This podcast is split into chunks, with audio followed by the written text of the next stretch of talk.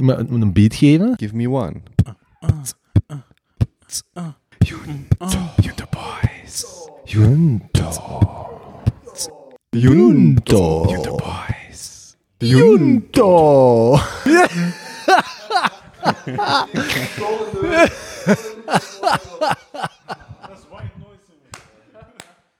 We zijn nu aan het opnemen. Ik heb mijn nieuwe audiorecorder, dus... eh, Oh, dat is zo goed. Oh, ik, zag nee. net, ik zag net dat deze recorder een, eh, een aantal eh, voorgeprogrammeerde geluidjes heeft. En dat is alleen op het nieuwste model of zo. Ja, ja Ah, dus, dus ik heb deze eigenlijk amper gebruikt. Eh, er is ook de horn jazz.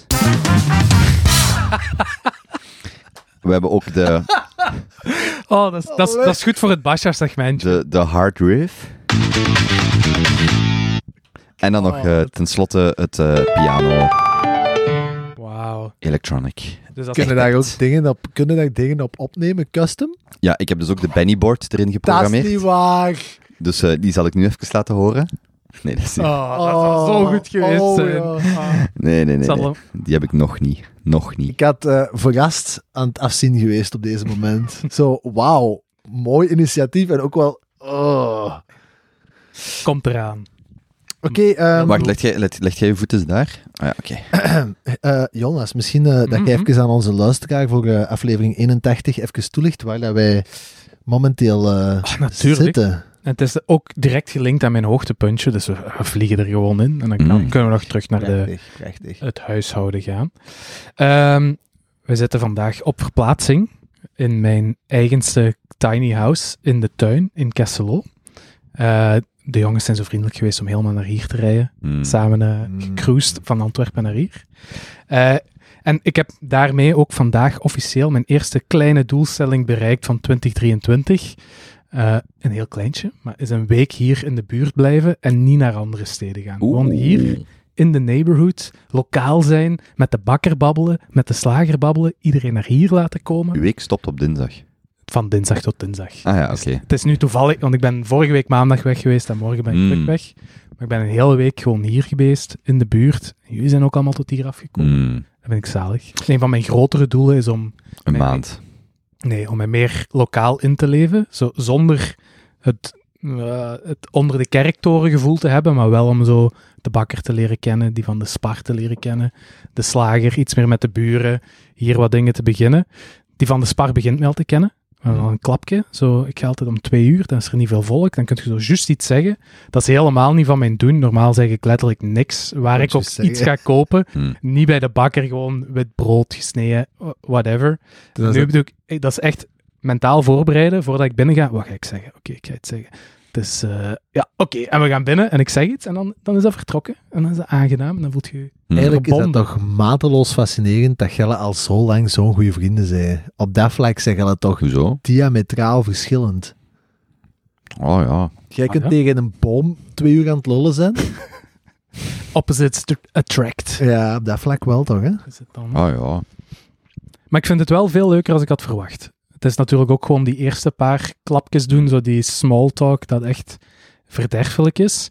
Maar dan komen zo die, die juicy roddels van de wijk boven. En daar, daar kan is- ik wel echt... Daar is het wel meestal echt om te doen. Oh, daar kan ik van... Zo- die- Ik wil niks zeggen, maar... Oh, amai. En hier wonen dan ook zo juist die eh 60, 70-plussers ook in de straat, die echt Hmm. gewoon niks anders te doen hebben de hele dag. We hebben een hele, ik ga geen, nog net geen namen noemen, maar eh, een hele goeie die hier half de werfcontrole komt doen. Die staat iedere dag binnen, die heeft alles gezien. Die heeft ook zonder filter commentaar op alle aannemers, iedereen die langskomt over hoe zij het zou doen. En je komt ook iedereen overal tegen en je weet waar dat de vetes zitten, welke mensen elkaar al 10, 20 jaar lang haten, waar het goed gaat, niet goed gaat. Daar zou ik wel echt heel goed op gaan. Ah, Zo, zo wat die intriges leren kennen. En dan zo die en die. Voilà. Dat kun je toch niet geloven? Nee. Wat hè? En dan zo heel die... Exact.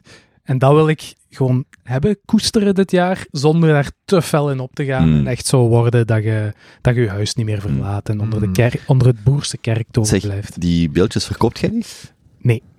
Zeker niet handgemaakt door eh, Elke Verhoeven. Ja, ja. Misschien moeten we voor de luisteraar even kort omschrijven allee, Ja, ik ben eigenlijk heel benieuwd hoe dat... Want hij is hier al een paar keer geweest. Ik woon al een jaar hier in, eh, in mijn kleine huisje.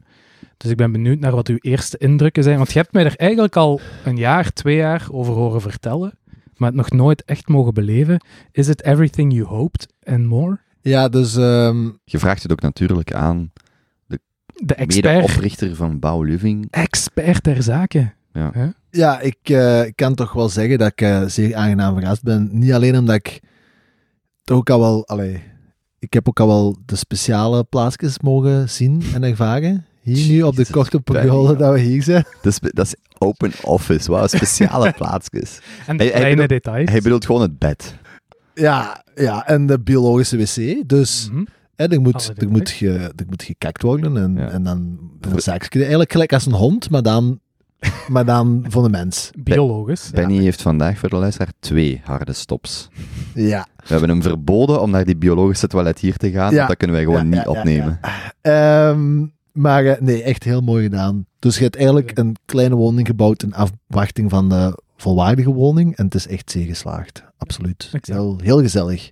Vooral zo'n beamer tegenover het bed. Dat is echt dat hè. coziness. Ja. Bed. Wanneer mag ze uit de kast komen? Elke moet hier inderdaad even wegblijven. En de tofste upgrade aan die een beamer is een Chromecast geweest. Mm. Je kunt nu zo met dat, ik weet niet waar het ligt, dat kastje van de Chromecast, Ja. kunt je nu de beamer aanzetten, zeggen wat je wilt zien, en dat springt gewoon allemaal op. Dat is eh, helemaal prachtig. Ik moet wel echt zeggen, ik vind eh, mijn Bieber die ik ook gekocht heb, ik ben daar heel blij mee. Ik vind dat een zalige investering. Oh, ja. Hm. Ik, het eh, normaal. trouwens, ik ga een beetje en- moeten zien voor hoeveel- notities, voor show notes. Op hoeveel tijd heb je dit gemaakt? Ehm, Conceptueel. een, een zomer. Drie Dus- maanden. Ja, het bouwen op zich valt wel mee. Maar eh, het opzoeken voordien heeft Hmm. ja, vier, vijf maanden geduurd aan YouTube-filmpjes, PDF's opzoeken. En als je het nu opnieuw zou doen, is het eigenlijk heel gemakkelijk, want je snapt Hmm. de concepten, je weet waar je moet zijn. Het is gewoon dat je zo hard twijfelt aan jezelf en die eerste paar windstoten, dan zit je wel echt in je, Mm. in uw broek aan het pissen. Niet alleen omdat je hier dan niet alleen zit, maar ook met je vriendin. Als het dan omver valt, is het wel heel sneu. Benny, hoe lang is uw product development geweest? Drie, vier maand? Ik ga gewoon even doorgaan in de planning. Hè.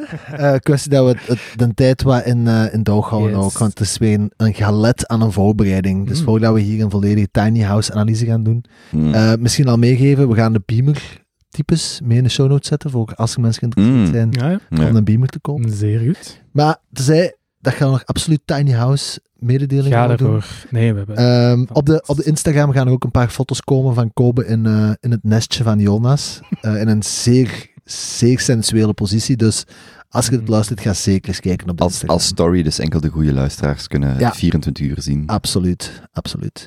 Komt speed in de Git naar huis online. Anyway, ehm even housekeeping. We hebben dus dan een interne housekeeping gehad, maar dat, is, dat gaat een beetje doorlopen in elkaar. Ehm, misschien het leukste eerst. Er is 5670 euro in de Kiva-pot. Ah, Hoe zeker zijn jij dat dat ermee is? Dat wordt dat zeker mee opgenomen? Ja, ja, Nou, fantastisch. Ehm, ja, dus dat, dat wil eigenlijk één ding zeggen, hè. Teun. Teun, ze moest betalen. Mhm. Ze moest zahlen, Teun. Oké. Extra eurotjes. Ja, dus de weddenschap is nogmaals gewonnen door, gewonnen door een zekere B. IJzermans. Ik ben wel echt een serieuze voorsprong aan het pakken, hè, boys. Ik weet Mhm. niet, als je er nog... Allee, begin je al niet, begin je zo al niet al dat beetje te voelen, zo... Allee, ik enker toch al meer als ik een positie inneem dat je denkt... Ja, ik, heb- maar... ik weet nog wel een weddenschap die ik wil afsluiten. Maar die durft hij niet. We hebben, het, Vast op, nee. we hebben, we hebben het in de auto over een mooie, over een mooie weddenschap gehad, maar hij durft hem niet eh, te maken. Nee. Maar zelfs niet off the record. Dus ja, hij, kiest, hij, hij is goed bezig, maar hij kiest ook maar enkel de weddenschappen waar dat hem weet dat hem relatief weinig te verliezen heeft, natuurlijk. Serieuze tease wel. Anyway, er is eh, Hmm. dus 5600 euro voor eh, de derde wereld. Prachtig. Maar ik krijg het daar warm van. Hebben we weer goed gedaan. Goed ik ook. gedaan, hè? ik krijg daar ook warm van. Ja, dat is omdat je op een verwarming zit te komen. Hmm. Wel een cool verwarming. Lekker cozy. Ehm, dan is er, maar Koba, dat ga ik misschien even aan u laten, de, de live show. Want eh, jij bent de, de, Ja. de orkestmeester der Ik live ben de projectmanager. Ja, ik, ehm Benny en ik hebben afgelopen weekend een eh, locatie bezocht. We hebben er eentje gevonden. Ehm, Cool. Is echt cool. Het is echt cool. We hebben ook eh, gezien, we gaan proberen om onze liveshows een beetje af te wisselen. Deze gaat waarschijnlijk niet in Antwerpen doorgaan, iets erbuiten. De volgende weer in Antwerpen. En eh, het gaat op 3 maart door. En we gaan gewoon hetzelfde, dezelfde succesformule hanteren, waarbij we onze ouders nog eens zien. Ehm, Hey, e- één keer per jaar is genoeg. Dat is mooi. Mama, papa, het ligt niet aan ons. Oh. Ehm, nee, maar ehm, wij gaan eh, weer een avondeditie doen, vrijdag 3 maart, vanaf een uur of zeven. Dus zet het al in uw kalender. De Eventbrite komt nog eh, online of slide in onze DM's. En eh, die van de Junto Boys. Ehm, niet die van Teun, want die eh, verlaat nogal eens groepen zonder iets te zeggen. Sorry, inside joke. Maar eh, vrijdag 3 maart. Zet het in uw kalender. Wij zullen er zijn, dat staat vast. En eh, jij misschien ook. Voilà, prachtig. Dan eh, eh, een- ja, een like en subscribe. Het gaat tegenwoordig goed op het subscribervlak. Dus ik denk Mhm. dat dat echt komt door de warme, warme uitnodigingen die we doen elke aflevering. Hmm. Dus ik weet niet, iemand? Je hebt het eigenlijk al gezegd, hè? Een klein likeje voor Kobe, een subscribeje voor Benjamin Maar, en een follow voor Teun. ja, maar eigenlijk moeten we eh, de, het een beetje shiften. We hebben het er nog over gehad van, wat is nu de beste ehm, manier waarop een, een podcast verspreidt? En dat is niet per se een like of subscribe. Dat is waar. Dat is eigenlijk, als je hiervan geniet, en je denkt van, dit vind ik echt wel leuk om naar te luisteren, kijk gewoon in je vriendengroep, of familie, of je kennissengroep, en deel het met iemand waarvan je denkt, dit zou ik leuk vinden. Hmm. Ik vind er ook gewoon een paar maten praten, deel het met iemand. En wij zullen wel het vlinder-effect observeren, en eh, wie weet wat er gebeurt, maar beter dan te liken en te subscriben, is het gewoon aan iemand door te geven en zeggen, hier gaat je hard van genieten. Ja, Mooi. gezegd. Krijg er intern ook al warm van, jij ook? En voor je het weet komt er de Junto Boys Referral Program. Kunnen we Mm. er eh, Mm. van alles gaan weggeven, zoals Mm. bij de live show. Ja, Ja. de, er is ook nog eh, een update rond de sponsoring, maar dat is voor volgende keer. Er is een sponsor. Er is een, er is een verbale overeenkomst voor een sponsorship voor februari. Dit wordt gewoon een en al reclame. Professionalisme. Het wordt fantastisch. Ja. Hm? Ja. Next level. Moet jij dan ook betalen als we bouwliving vermelden? Absoluut niet. Eh, vraag 1. Hoe gaat het? Eh, die vind ik heel goed. persoonlijk Moeten we toch eens een eitje overleggen Hmm, Een eigenlijk. persoonlijk ik, ma- Mag ik ook een eitje leggen? Mhm. Anyway, eh, een persoonlijk hoogtepunt en ons stressje van de laatste tijd. Mhm. Boys. Ja, ik heb eh, mijn voorbereiding in de auto laten liggen. Ik had eh, een... Ah, nee, nee, ik weet hem weer. Maar ik... eh, ehm, nou ja, anyway. ehm, ik, heb, ik heb vandaag... Ik ga iets vertellen waar ik aan zich niet fier op ben, maar ik vind het wel belangrijk om eerlijk te zijn over dat soort dingen. Het is een hoogtepuntje. Als hem zo'n dingen zegt, dan Ja. voel ik altijd een intern stressje van, wil ik geassocieerd worden met hetgeen dat er nu Mm. gaat komen? Het is een hoogtepunt en een stressje. Alright. Dus ik, eh, sinds een week of twee eh, staat mijn auto eh, geparkeerd in Borgerhout. Die staat normaal anderhalf jaar in het centrum. Ik kom bij die auto en blijkt dat er iemand volledig mijn spiegel er heeft afgereden, die er effectief af lag. En ook krassen op de drie deuren, dus op de achterdeur, de voordeur en, en het stuk, een stuk voor de deur. Dus wel best wel schade. Ik was aan het rondfietsen, want ik was eigenlijk zo half vergeten waar mijn auto stond. Ik zag ook om de straat een combi staan, die een interventie aan het doen waren met licht aan. Ik fiets naar mijn auto, ik zie dat dat gebeurt. En het eerste wat ik denk, waar ik niet fier op Je ben... ziet dat dat, dat gebeurt. Nee, nee, nee, nee, sorry. Ah, ik had gezien dat het gebeurd was, maar ik had ook ja. gezien dat er een politie twee straten verder stond. Mhm. Het eerste wat ik denk, waar ik niet fier op ben, is fucking Borgerhout. Mhm. En nog niet zozeer voor de etnische component, maar daar wordt gewoon echt gelijk, daar wordt gewoon voor als idioten gereden. En ik heb er zelf een half jaar gewoond. Je neemt dat ook over, ik zal er niet over liegen, maar daar wordt echt hard gereden. Daar is ook heel weinig defensieve. Brood op het eilandje kun je niet zo hard rijden, want dat is veel defensiever gebouwd. Lang verhaal kort, ik was er niet fier op. Komt daar een man naar buiten, uit de straat, en die ziet dat ik foto's aan het nemen. Want nu, het was 6 uur s avonds, het is 3, 4 graden. Ik sta daar aan die auto zo'n beetje te, ja, niet te bokken, maar gewoon zoiets van, ja, dat is gewoon echt kut. Kut, ja. Ehm, nee, voordat ik die man zie, ik ga naar de politie. En die politieagent, ehm, wat ik wel heel grappig vond, classic eh Antwerpse agenten. Ik zo, ja, maar ik moet eigenlijk zelfs nog naar de bouwling, eh, want we gingen daarna nog gaan bouwen. En eh, die agent zegt van, ja, je mocht daar eigenlijk niet meer mee rijden, tenzij dat je naar je huis gaat of naar je, of naar je garage. Ik zeg, ja, maar ik, moet echt naar de bouwlingshuis. En, en de politie bellen, dat duurt nog twee uur, want jullie zijn met een interventie bezig. Ik zo, was ik gecontroleerd word. En die agent zo, dan zeg je gewoon dat je op weg bent naar huis.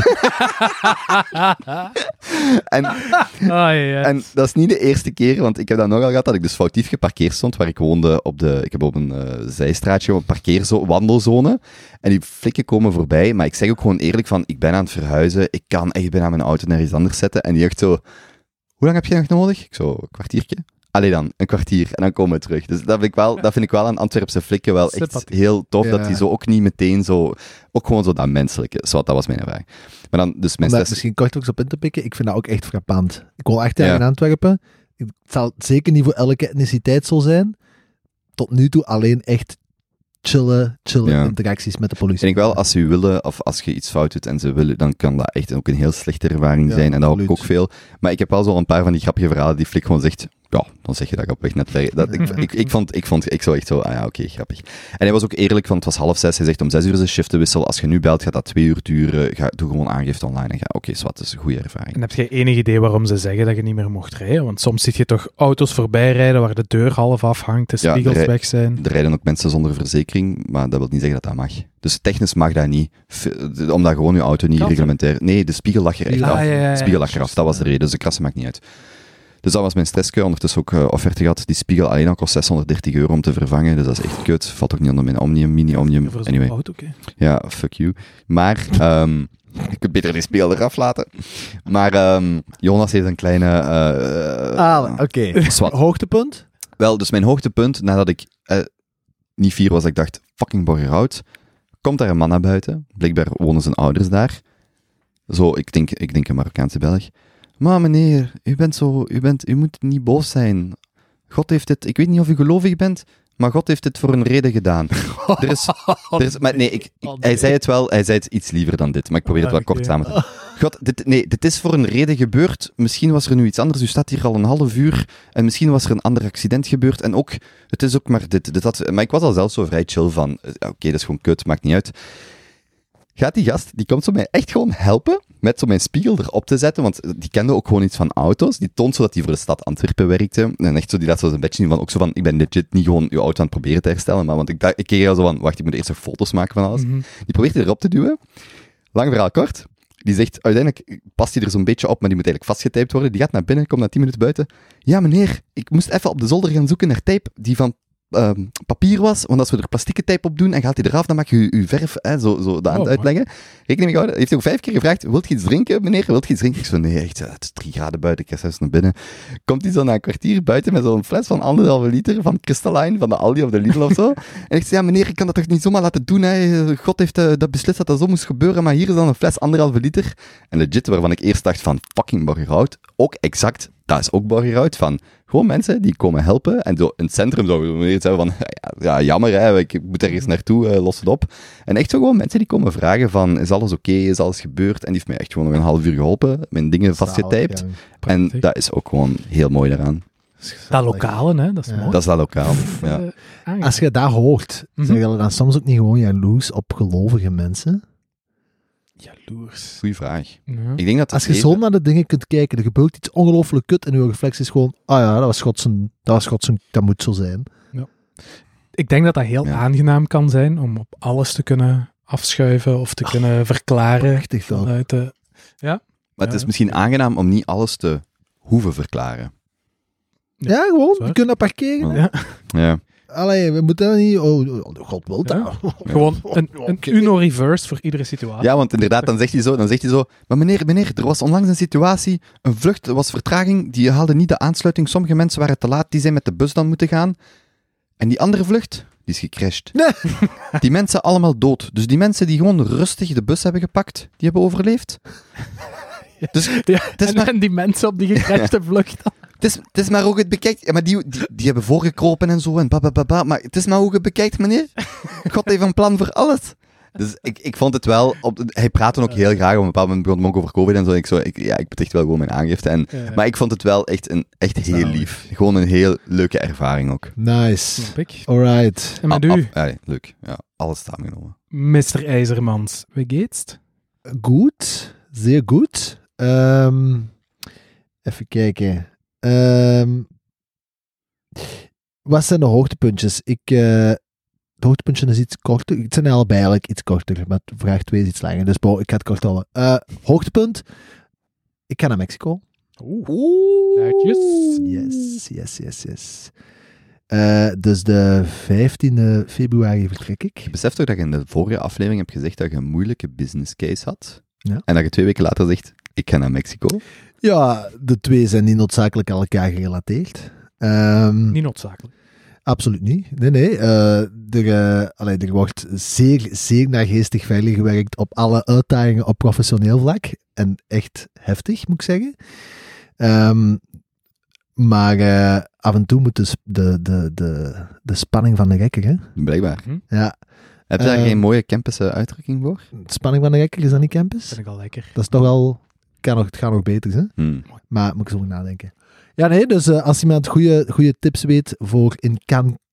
Ja, nee, we landen, we landen in Cancun, maar we gaan eigenlijk in Yucatan. Yucatan? En met vrienden rondtrekken. Met vrienden. all Ja. of the above. Yes, een tiental dagen. Netjes. Ja, ja, kijk naar uit. Dus dat plannen, dat vastleggen, was absoluut een Ik hoor hoogtepuntje. heel veel goede dingen van Mexico. Mhm. Ongelooflijk veel volk dat er naartoe is geweest, Mm. hè, dus ik ben ook zeer benieuwd. Het ziet er in elk geval echt paradijselijk uit. Mm. Dat zal wel. Dan het stressje. Ehm, een gezamenlijke vriend van ons, een zekere eh, eh, F. Plantera. Ehm, Om, om hem niet te noemen. ja, Allee, Zo zijn er veel. ja, Yes. eh, Komt ze nou niet. Twee weken geleden spraken we af eh, met, eh, met, eh, met de matches van Mol. En de heer Prontera had, was al een paar dagen, toch, allee, het lag zo al een paar weken vast dat we gingen afspreken en hij was al een paar weken niet aan het teasen. Hij zei, oh man, ik heb echt iets goed, ik heb echt iets goed. Ik heb echt iets goed gekocht, we gaan dat doen die avond. Ehm, en de Franco, die, die, die leeft Bubbel, jongen. Oh, Benny. Hoe, hoe, moeilijk, hoe moeilijk kan het zijn? Maar kom maar, van de eerste uit. keer was, als je dat Ehm, twee keer googelt. Ja, maar dat maakt ook niet uit. Anyway, dus die maat, die, eh, ja, die gaat er ook echt fantastisch goed op als hem zo'n dingen kan, kan teasen en zo. Ehm, dus die, die was echt, ja, van, die was daar echt heel goed op aan het gaan en zo, ja, en eh, eh, zie maar dat je niet te veel eet en ehm, ja, de ochtend nadien moeten niet te veel plannen, zo dat soort van dingen. Ehm, wat zei hem nog? Ah, we moeten een camera hebben met een statief. Zo echt, what the fuck, ja, wat zijn je van plan? Dus ehm, ja, hè, we, we beginnen aan een avond. eh, en op een gegeven moment ja, begint eigenlijk hetgeen dat hij had voorbereid. En hij haalt uit zijn zak elf flesjes hot sauce. Hmm. Ken je alle hot ones op Ja, YouTube? zeker. Ja, Classic. Ja, dus hij had al die hot ones, hot ones sausjes gekocht. Nice.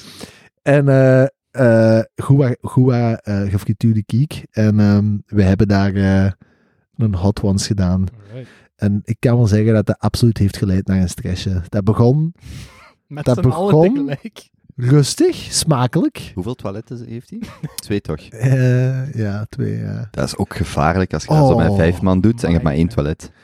Maar dat begon dus fantastisch. Heel gezapig, op het gemak, een beetje kiek eten, goed, goed saus kunnen. Nou, de eerste die zijn zo duizend op de Schofield-schaal. En dan Hmm. begint dat te klimmen, 10.000, 20.000. En dan, oeh, hier voelen we toch al iets. En dan 30.000. Oh, oh my, Mhm. bloosjes. En dan klimt dat door en dan zo halverwege is het, oh my, echt goede saus, goede saus. En die kip die gaat vlot naar binnen. En dan komen we zo aan de gekende De Baum. Nou ja, Dat Baum. daar wisselt hem, hè. Fuck man, dat was echt, Hmm. ja, dat was echt alles. Ik probeer het beter te timen. Ja, dat was eh amai. Ja, dus dat is dan 130.000 op de Schofield-schaal of zo. Hmm. Hmm. Lekker. Ja, dus je, je, je doet En hoeveel wa- was de dosering? Ja, je kunt dat zelf kiezen, maar wij deden echt van in de boom echt zo een, de nagel van uw pink. Mm. Hmm. Daar, op een stuk kiek. Op een stuk kiek. En eh, ja, dat, dat, je, je eet daarvan en dat begint, oh ja, oké, oké. Maar dat, dat blijft, die, die, die, die, die warmte en die, die ja, ja, wat is dat? Pikantheid. Mhm. Die klimt een minuut of twee, drie gewoon gezapig door. En voelt je dat vooral zo in je gehemelte of in je keel? Oh, of- op een duur, de, je kreeg rillingen over heel je lijf. Echt? Dat was echt, Hmm. oh, was echt bizar. Het is wel een bizarre ervaring. Ehm, Dan ook liters melk. ja, ik kan geen melk drinken, Water jong, is- dus water en bier, veel bier. Oef. Ehm, Heb je bijgehouden hoeveel doseringen? hoeveel doseringen, man? Bier? Die avond? Hm? Zwat. Toch wel wat geweest zijn. Eh, want er zijn dan ook nog in de sauna gekropen. Anyway, ehm, ja, nee, dat was... eh, De sauna. Na die pikante nest. Klinkt heerlijk. dacht je- Absoluut. Ehm, Nee. Maar nee, dat was, eh, dat was wel een stressje, ja. Want dan had je de baum en ik zijn daar gestopt. Ik had zoiets van, deze is gewoon absurd. Hmm. En dan was er nog een volgende, Death Reaper of zoiets. Hmm. En die was 180. En dan die ergste, ik zijn naam vergeten, die is 800.000 op de Schofield-schaal. Hm. Ja, ik, ja. Wa- wa- hoe wordt de Schofield-schaal? Is dat een chemische analyse of is dat mensen die gewoon zeggen, we schatten dat zo in? Of heeft dat echt een bepaalde dat is echt samenstelling? wel een... gaat er iets in Dat is het chemisch, Mm. chemisch geanalyseerd. zijn. Maar het interessante is dus blijkbaar, dat wist Frank al aan te vertellen als bioloog. Je hebt de interceptors die dat ervoor zorgen... Als bioloog? is een bioloog, hè? Ah, die, ja, die dat ervoor zorgen dat je dat gevoel krijgt, dat is een puur neurologische reactie. In de zin van, dat voelt dat heel je mond in brand staat, hm. maar dat gebeurt... Fysiologisch gebeurt daar eigenlijk niks. Dat is gewoon dat stofje. Ik denk dat dat die Schofield, Schofield Mm. stof is. Ik weet niet of ik het juist uitspreek. ze. Maar die reageert gewoon op bepaalde dingen in uw, in uw mond. Maar er gebeurt aan zich niks. Het is Mm. niet dat je je kunt verbranden of zo. Dat voelt gewoon heel ja, Mm. onaangenaam. Ik heb wel al gehoord van die interviews of van die show zelf, dat de dat bom echt heel erg is, omdat dat heel chemisch smaakt naar het schijnt. Echt vocht. En dat het dan daarna zelfs terug even beter gaat, omdat het terug wat natuurlijker, wat dat dan ook mogen zijn, natuurlijker proeft. Ik vraag me ook wel af of dat, oké, je voelt dan niks, maar ik heb precies gehoord of noties van dat mensen daar toch echt wel niet goed van zijn, in het ziekenhuis belanden. Dat is wel van die sterven. ghost pepper. Als je zo een van die pepers eet. Ja. Dus die sausjes zou blijkbaar... Ah, ja, Frank had ook opgezocht. Dat zou niet... Ja. Is gewoon echt niet aangenaam. Nu, het ding is... eh, we hebben die met z'n vieren daarna eigenlijk gedeeld qua aankoop. Mhm. Dus ik heb die nu. Ik wou je zeggen, wat met de overschot? Er komt een live show aan. Ik kan die meepakken. En we kunnen... Ik zou dat wel echt niet op een live show doen. Echt Ja, niet. een aflevering van gewoon echt zo Ja, we kunnen wel eens een Junto Boys aflevering doen. De Hot, de hot YouTube Ones exclusive. de Hot Ones Edition. En gewoon hetzelfde als anders, maar dan tussen de vragen door kiekfretten. Ik ben fan. Ja. Hm, Zeker. Helemaal prima. Goed, kunnen we doen. Voilà. Eh, ja, Zalig. Jonas. Echt wel een Dat we hier nu zeer gezellige stolp zitten. Mhm. Ehm, hoe, hoe, hoe gaat het met u? Ah, zeer goed, hè. Ik heb daar net eh, mijn hoogtepuntje al een beetje aangehaald met de, de lokale Ja? bevolking. Ehm, het stress is natuurlijk ook zeer lokaal gerelateerd. Eh, we zitten hier ook in de tuin van mijn bouw. En we hebben net... eh, Er is enorm veel keuzestress tijdens een bouw. Je moet duizend en één dingen beslissen waarvan je nooit had gedacht dat die ook maar iets konden schelen, totdat je echt moet beginnen denken over welke plintjes dat je wilt Hm. welke kleine afwerkingsjes dat je wilt. Dus Excelletjes met honderden regels zijn voorbij gegaan, meetings met tientallen mensen, alles was klaar om te beginnen.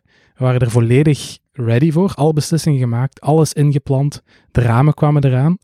En toen heeft het zo over, het was even bouwverlof met kerst, heeft het heel hard geregend. Het heeft echt een maand geregend de afgelopen ja, maand. ja. En wat heb je hier nu? Dat kunt je hier zien, is dat de tuin naar beneden afhelt naar ons huis toe. Dus wij komen terug, hè, na nieuwjaar, kerst, alles goed gegaan, superleuk. En een van de hoogtepuntjes van onze bouw is dat de achterbouw een hoog plafond heeft en dat we deels bereikt door uit te graven. Dus door een half meterke naar beneden te gaan. Dus wij komen terug en er staat 30 centimeter water in onze, in onze keukenput. Alles valt compleet stil. De hele planning is stopgezet. Er is vijf man naar komen kijken. Wat is hier aan de hand? Is dat grondwater? Wat is het? Aannemers komen direct met oplossingen. Wat was zijn oplossing? Ah, we gooien alles gewoon vol met beton. Komen gewoon 30 centimeter omhoog.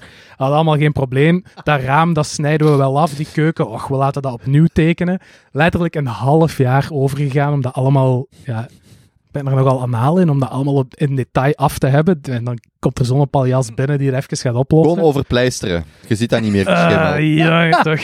Echt niet te doen. Eh, en ja, daar echt een week over gestrest. Ik heb hier de wetenschapper uitgehangen door testen te doen met waterhoogtes, pompjes te plaatsen, zo'n meter plaatsen, alles laten wegpompen. Dat is echt fantastisch. Eh, dus ik heb hier iedere dag een half uur in mijn keuken gestaan met een stofzuiger. Ik wist niet dat je water kon opzuigen. Dat is echt iets nieuw geleerd. Maar met een gewone ja. stofzuiger. Ja, ja met een Ja, waterstofzuiger. Met zo'n werf. een Ja, werf- dat werf- ding. Ja, maar niet met een Dyson. Dat is echt ja, Nee, nee. information. Ja. Wel. Ehm, Ik heb hier nog een stofzuiger, schat. Oh. dus alles weggestofzuigd, een pompje geplaatst, gezorgd dat dat water niet meer van de tuin afkwam. Hè, want dan, als het van de tuin komt, kun je het tegenhouden. Maar als het langs de zijkanten komt, want onze Hmm. muren zijn een half... Ben ik achtergekomen dat onze muren een halve meter zijn ingegraven onder de grond. Dus eigenlijk is dat een, een beetje een kelder. Dus zou je daar beton moeten laten storten om dat water dicht te houden. Mhm. Maar bij ons is dat gewoon een muur. Dus dat begint op Itong en dan gewoon snelbouwstenen. En Itong is poreus. Dat slorpt water op. Dus als er in, dat, in die grond water zit, komt dat allemaal binnen. Anyway, lang verhaal kort. Ik heb een week lang experimenten kunnen uitvoeren over waterstanden en wegpompen van water en stofzuigen. En, En- dat was, En heb eh, je een oplossing? en de conclusie is, het is allemaal water vanuit de tuin, dus we kunnen gewoon onder het terras eventueel een dompelpomp zetten voor als het echt hard regent, dat het weggepompt wordt. En voor de rest Hmm. is alles prima. Er moet geen 30 centimeter beton gestort worden, geen schimmel, niks. Heb jij een regenwaterput? Ja. Oké. Ja, je zou het daarin kunnen opvangen. Ja, inderdaad. En ook infiltratiesysteem en zo. Ja, exact. Oké. Klopt. Ja, goed, als het, maar, als, het, als, het, als het maar geen probleem in de toekomst geeft. Exact. Oké, eh, tot zover dan eh, onze persoonlijke hoogtepuntjes en stressjes. Dat verdient applaus. Pummel. Grol, ja. Klojo. Ehm, ja, van, Ja, heerlijk. Heerlijk. Ja. Oké, dan ehm, komen we aan vraag 2, hè, boys. Heb je recent een eh, noemenswaardig essay, boek of podcast gelezen of gehoord dat je opmerkelijk of geschikt vindt om aan de junto te communiceren in de moraliteit, business, natuurkunde of andere delen van de algemene kennis? Mhm. Van rappelen. Je hebt al zo'n natuurlijk truitje aan met de zon op. Ja, ik, ehm, ik was... ehm, ik, ik luister graag... Ik heb een heel kort puntje. Ik, heb, ehm, ik luister graag op vrijdag naar de afspraak op vrijdag. Ehm, een politiek programma. En ik vond... eh Conor Rousseau zat er afgelopen vrijdag in. En ik vond hem echt relatief, of zelfs zal ik zeggen heel sterk in zijn... ehm, hij zat er met Herman van Goeting, denk ik. ik. Weet de naam niet meer exact, de rector van de UA. Die vond ik een minder goede beurt maakte. Maar er was ook nog iemand anders. Ik wil nu denken, Tinneke Beek. Maar ik- in ieder geval nog een derde. Ik vond Connor echt gewoon vlak af eh, indrukwekkend. Hoe dat hij daar zat. Alsof hem dat soort dingen volledig onder de knie heeft. En, en dat is dan eigenlijk het ding wat ik wil zeggen. Ik denk echt dat hij het in 2024 best goed gaat doen eh, met de verkiezingen. Of, allez, als ik zeg best goed gaat doen, er is niet als voorzitter, denk ik niet dat hij verkiesbaar is. Misschien in Sint-Niklaas lokaal, dat weet ik eigenlijk niet. Maar ik denk dat Vooruit, of de SPA, de Vooruit eh, tegenwoordig eh, het echt wel goed gaat doen bij de volgende verkiezingen. En ik dacht, dat ga ik eens even meegeven. Iets lokaal, wat ik gezien heb, waarvan ik echt naar zat te luisteren en dacht, goed jong. Want op een bepaald moment maakte zo die, die academicus een, een punt over dat zo in Antwerpen, zo dat eigenlijk, eh, zo het, hij maakt het argument van rising tide lifts all boats, zo van, hè, zelfs zo, hè, bijvoorbeeld ook in de achtergestelde wijken rijden ze nu ook met een bakfiets of met fietsen, of 30 jaar geleden bracht geen, nie- niemand van de Turkse of Marokkaanse gemeenschap hun kinderen naar school, vandaag zie ik die ook op fietsen rijden, en het ging zo, een, een, ergens een probleem denk ik rond armoede, en kon er echt zo, ja, als in Antwerpen op de fiets doet, nou, interesseert mij niet, ik wil dat probleem hier gewoon in Brussel of zo oplossen, maar hij was heel gevat, vond ik, hij was heel echt dat ik zo zat te luisteren en dacht van, ik kan me voorstellen dat heel veel mensen eh, dit enorm appreciëren. Mhm. En wat bedoelt je met dat? Hij is daar echt goed in? Het debatteren. Ja, en het, het stukje, eh, een aantal dingen gewoon, als je kijkt naar mensen die mediatraining hebben, je ziet zo degene die mediatraining hebben gehad, zodat ze er net mee door kunnen. Hm. En eh, die dan nog zo gewoon stomme dingen blijven zeggen. Ik denk, Jan, Jan Bon is gewoon het beste voorbeeld. Die zegt, ja, een paar maanden geleden nog, ja, ik laat mijn privéchauffeur wel af en toe te hard rijden als ik echt eh, gehaast ben. Dat zou ik nu niet per se, dat kan waar zijn, maar dat zou ik nu niet per se zeggen als je in een televisiestudio zit. Hm. Maar ja, goed, zo dat soort dingen. Maar Connor heeft al een bepaalde mediatieke eh, flair. Maar ik, ik vond hem in zijn discussiepunten gewoon echt sterk gevat. Eh, ik was echt aan het luisteren. Ik dacht, amai, ik kan me voorstellen dat veel mensen heel beginnen op te warmen. Zo minder zo van, is het eh, heel dat marketingverhaal, Steve Stevaart vergelijkingen, al dat soort dingen. Maar gewoon het ook durven zeggen gelijk het is. En ik vond, ik vond echt, ik was echt onder de indruk. Dat is lang geleden en dan dacht ik van, ik denk dat hij het goed gaat doen. Dus je gaat een SPA stemmen. Dat weet ik niet. Ik vind wel, ik eh, probeer op mensen te, als ik al ga stemmen, dus dat is nog steeds 80% kans niet te stemmen. Als je stemt, dan eh, zou ik voor eerder personen gaan dan partijen. En ik, ik- dat, dat was mijn ding. Ik kan me echt voorstellen als je hem zo bezig hoort, dat heel veel mensen iets hebben van, "Hmm, hier wil ik wel op intekenen. Hoe oud is je gast? 28, 29, Echt zoiets. Netjes. sick. Ja. En Ja. waarom zou je niet stemmen? Ah, bij mij is... Ja, omdat bij mij is gewoon... eh, mijn gedachteproces is... Ik ben ook wel iemand die de partijprogramma's leest en zo. Maar vaak kom ik dan gewoon tot de conclusie, er is gewoon geen enkele partij waarvan ik denk, yes. En dan zijn er af en toe personen, zeker op lokaal vlak, waarvan ik denk, ik denk dat die een verschil kunnen maken. Ehm, maar bij mij is het niet a priori een gegeven dat ik ga stemmen en dan maar een keuze maken uit de slechtste... Allee, uit de beste van de, de mogelijkheden. Bij mij is dat dan gewoon, ja, ik denk dat niet stemmen evenveel zegt. En er valt van alles voor te zeggen hoe dat, dat dan uw stem terechtkomt. Maar ik ben minder gaan stemmen dan wel gaan stemmen. Vaker niet gaan stemmen dan wel gaan stemmen. En iets wat je daarnet in de snelte zei, is ook een van, van mijn overtuigingen die een beetje voor de eerste keer overhoop is gegooid door te praten met iets meer linkse getintere, zeer links getintere mensen, is die ehm The Rising Tide Lifts All Boats. Ik heb ook altijd gedacht dat de armoede enorm naar beneden aan het gaan was en dat dat echt heel opvallend goed gaat, algeheel gezien, hè, over de Hmm. hele wereld. Als je het gemiddelde neemt, zijn er nu minder armen als vroeger. Nu blijkt, of is de claim, en ik heb dit ook maar een half uurtje opgezocht achteraf, dus het is geen Dat is een half uur langer. Dat is genoeg, hè? Dat is een half uur langer dan Dat is genoeg. Ehm, dat die statistiek ervan uitgaat van één bepaald bedrag, ik wil zeggen 6 euro per, per dag is waarschijnlijk al veel, maar anyway, een vrij klein bedrag per maand. En iedereen daaronder ter wereld wordt bestempeld als arm. En iedereen daarboven wordt bestempeld als niet arm. Gewoon een beetje binair. Maar als je dat zou doortrekken naar per land, wat dat daar effectief vastgezet wordt als het minimum om te kunnen overleven, dat die lijn enorm vlak is. En dat er Hmm. de afgelopen 20, 30 jaar geen enkele verandering zit in ja, de armoede, het aantal armen ter wereld, procentueel gezien. Mhm. Die zullen waarschijnlijk wel een iets betere levenskwaliteit hebben. Zou ik nog altijd hopen. Maar eh, ja, ik vond dat wel Dat verbazend. zou ik wel echt...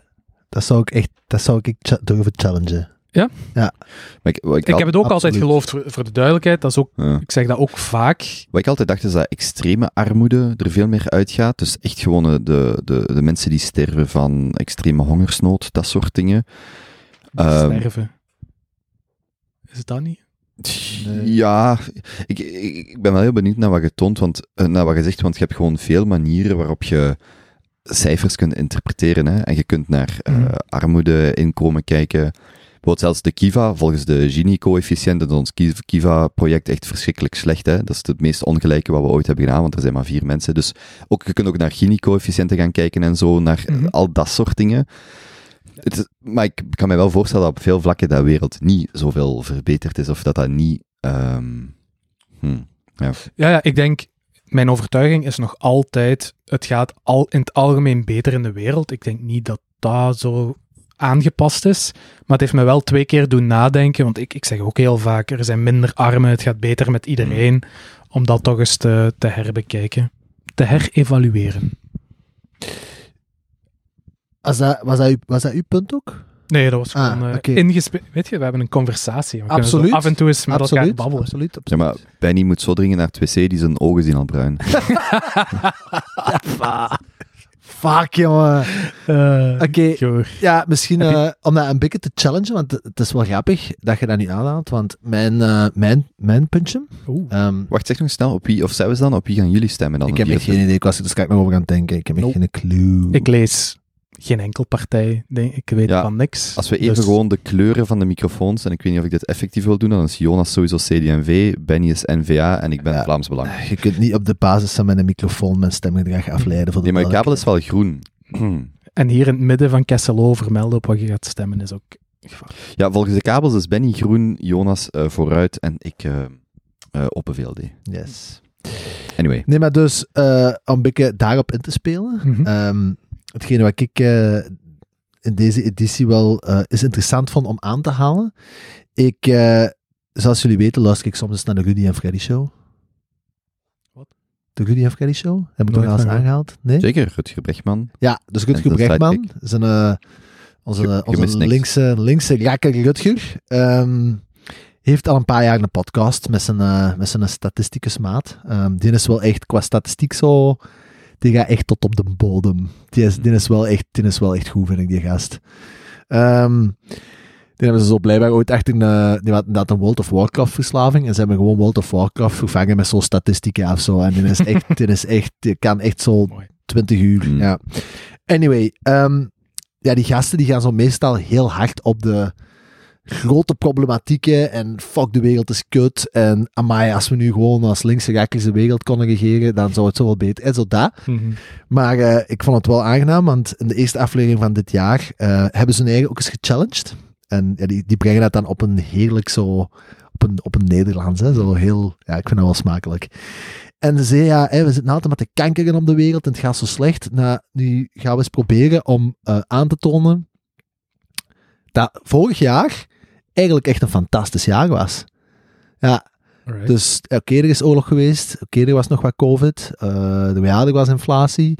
Ja, het was allemaal kut. Maar er zijn eigenlijk evenveel, zo niet meer redenen om te zeggen waarom dat het supergoed was. En die hebben daar van alles aangehaald. Ehm, ze hebben verschillende bronnen vermeld. Maar voor onder andere een artikel, en dat zal ik ook in de show notes zetten. ehm, dat eigenlijk 99 reden aanhaalt waarom dat 2022 een ongelooflijk jaar was. Misschien zelfs het beste jaar. En ik heb er daar negen uitgehaald.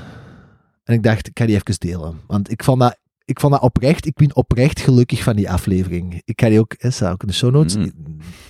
Allee, iedereen die dat dit hoort, ehm het is misschien niet goed om een andere podcast aan te raden, maar ga ook zeker daar eens beluisteren, want Wow, ik als zeg zij het dat ook eens bij de onze doen, dan is het goed. Ja, en ook zo geen bedoem. Eh, nee. Oké, ja. Ehm, maar eh, ja, dus eh, ja, is dat is gewoon daar gelukkig van. Anyway, ik haal een paar voorbeelden aan. Vorig jaar is Roe versus Wade terug afgekeurd. De abortuswetgeving in de States.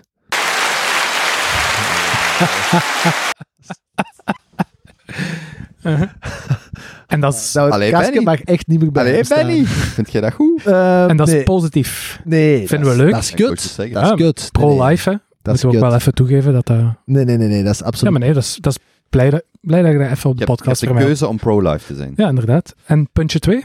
Dus, eh, dit gaat over, eh, over eh, dus de, de, de vrouwenrechten voor een deel. En dat is, dat is kak. Hè? Maar, wat ik daar niet in algemeen... Mooie clip. In de Dit gaat over vrouwenrechten.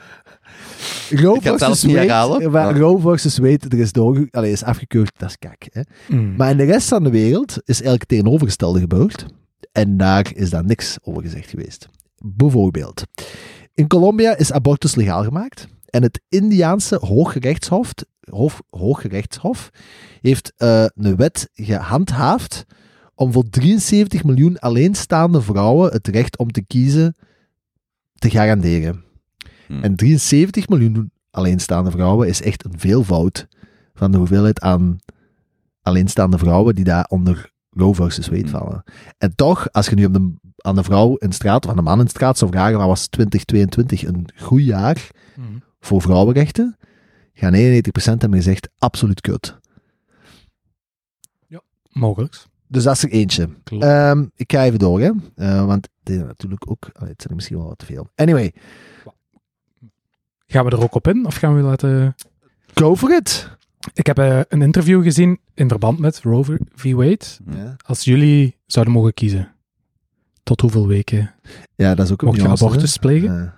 Maar die, dat hebben we al eens besproken, denk ik. Dat is, Is dat al aan bod ja, gekomen? ja, ja. Ja, ik denk dat wel. Eerlijk, mijn ding is gewoon unqualified. Ik heb de Belgische en Nederlandse wetgeving dan er even bijgepakt toen. Mhm. En dan denk ik, als, t- er is ergens gewoon een gemiddelde van al die wetgeving en daar zal het wel op neerkomen, of zo. Mhm. Maar het ding was, dat in de States was het echt Lang. 24 weken. Ja, echt Ja. heel, Mhm. ik denk een derde langer dan dat je in België zou Ja, mogen. in België is 16, hè. Mhm. dat is de helft meer. Dat was echt bij de extremere abortuswetgeving Ja, ja, dat is zot. Ja, want dat werd ook vaak geportretteerd als in vrouwen mogen niet meer een abortus doen. Maar dat is, als je nu ziet wat de effectieve wetgeving in veel staten is, is dat dat wel net wel enshrined is, maar dat het gewoon is teruggetrokken van 24 weken naar minder. Hm. Maar dat je nu in de VS absoluut geen abortus meer kunt. Ja, zo, zo werkt dat ook niet. Nee, nee, zo extreem is het nog Ja. niet doorgekomen, absoluut. Nee, nee, maar dat is echt een nuance, want ik denk dat we daar toen ook over hebben gehad, van, Ah ja, zou kunnen. dat werd, dat wordt, dat werd niet, ook niet naar voren gebracht in het, nee, in het hoeveel debat, hè. weken en hoe lang. Hm. Want iedereen is, tuurlijk is abortus, maar niemand gaat een abortus, denk ik, van een kind van acht maand nog zeggen van, dat is oké, Ja, dat is waar. En, denk ik. Dus er is een nuance discussie daarin. eh. en zo natuurlijk is abortus duidelijk ook niet, hè. nee, Dus... nee, nee. Iedereen kent wel iemand die beter. Anyway, ga verder. Oh my god. Alright. ehm, nog nieuws dat geen Je krantenkoppen sponsorcontract was nog niet getekend, hè? Sponsorcontract? Nee. Ehm, nog nieuws dat geen krantenkoppen heeft gehaald, maar het ministerie van Justitie ehm, in de States meldde dat tussen 2020, tw- eh, 2012 en 2021 het aantal gewelddadige slachtoffers in de Verenigde Staten, en dat telt dus onder diefstal, aanrandingen en mishandeling, daalde van 26,1 naar 16,5 incidenten per duizend mensen. Jeugdcriminaliteit daalde naar het laagste niveau ooit geregistreerd, evenals het aantal jonge mensen dat werd vervolgd, waardoor tienduizenden tieners een tweede kans kregen. Hmm. Dus criminaliteit is bijna gehalveerd, Ja. zeggen ze daar. Op Ja, gemiddeld. tien jaar. Gemiddeld, ja. Want Want, gemiddelde zijn altijd heel gevaarlijk. want als je dan zo hoort van L.A., dat daar... joh, Ja, wel. Ik, Ik weet niet wat gebeurt. Ik ging het ook net zeggen, zo onder gemiddelde kan ik mij goed Chicago. voorstellen dat dat in het algemeen gezakt is, omdat de welvaart bijvoorbeeld toeneemt. Maar dat er wel echt gewoon de hotspots die er zijn, echt veel erger zijn. Hm. Maar ja, goed. Maar Ja, het- het aantal absoluten is afgenomen, dus dat is toch een mooie progressie. ja, maar opnieuw hangt er vanaf wat je erin meetelt. Hè. Als je zegt diefstal, aanranding, maar misschien zijn de homicides wel enorm gestegen. nee, nee, dus alle gewelddadige slachtoffers. Dus alles wat te maken heeft met er ook geweld. moord bij en zo? Ja, ja, ja, ja, ja. We're gonna take the win. Dat is goed nieuws. ja, ja. Dat Dat is toch goed nieuws? Ja, Zeker. Voilà. Ehm, en dan ook in het Verenigd Koninkrijk was hetzelfde.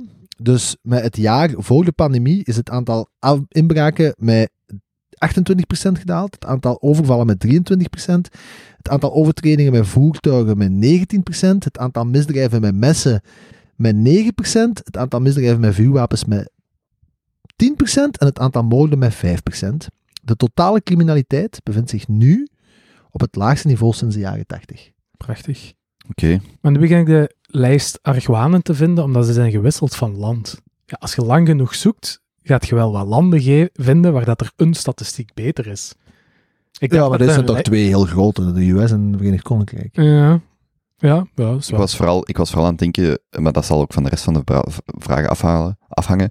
Dit lijkt ook vooral te bevestigen hoe groot onze anglo-saxische bias is, van hoe dat wij naar de wereld kijken.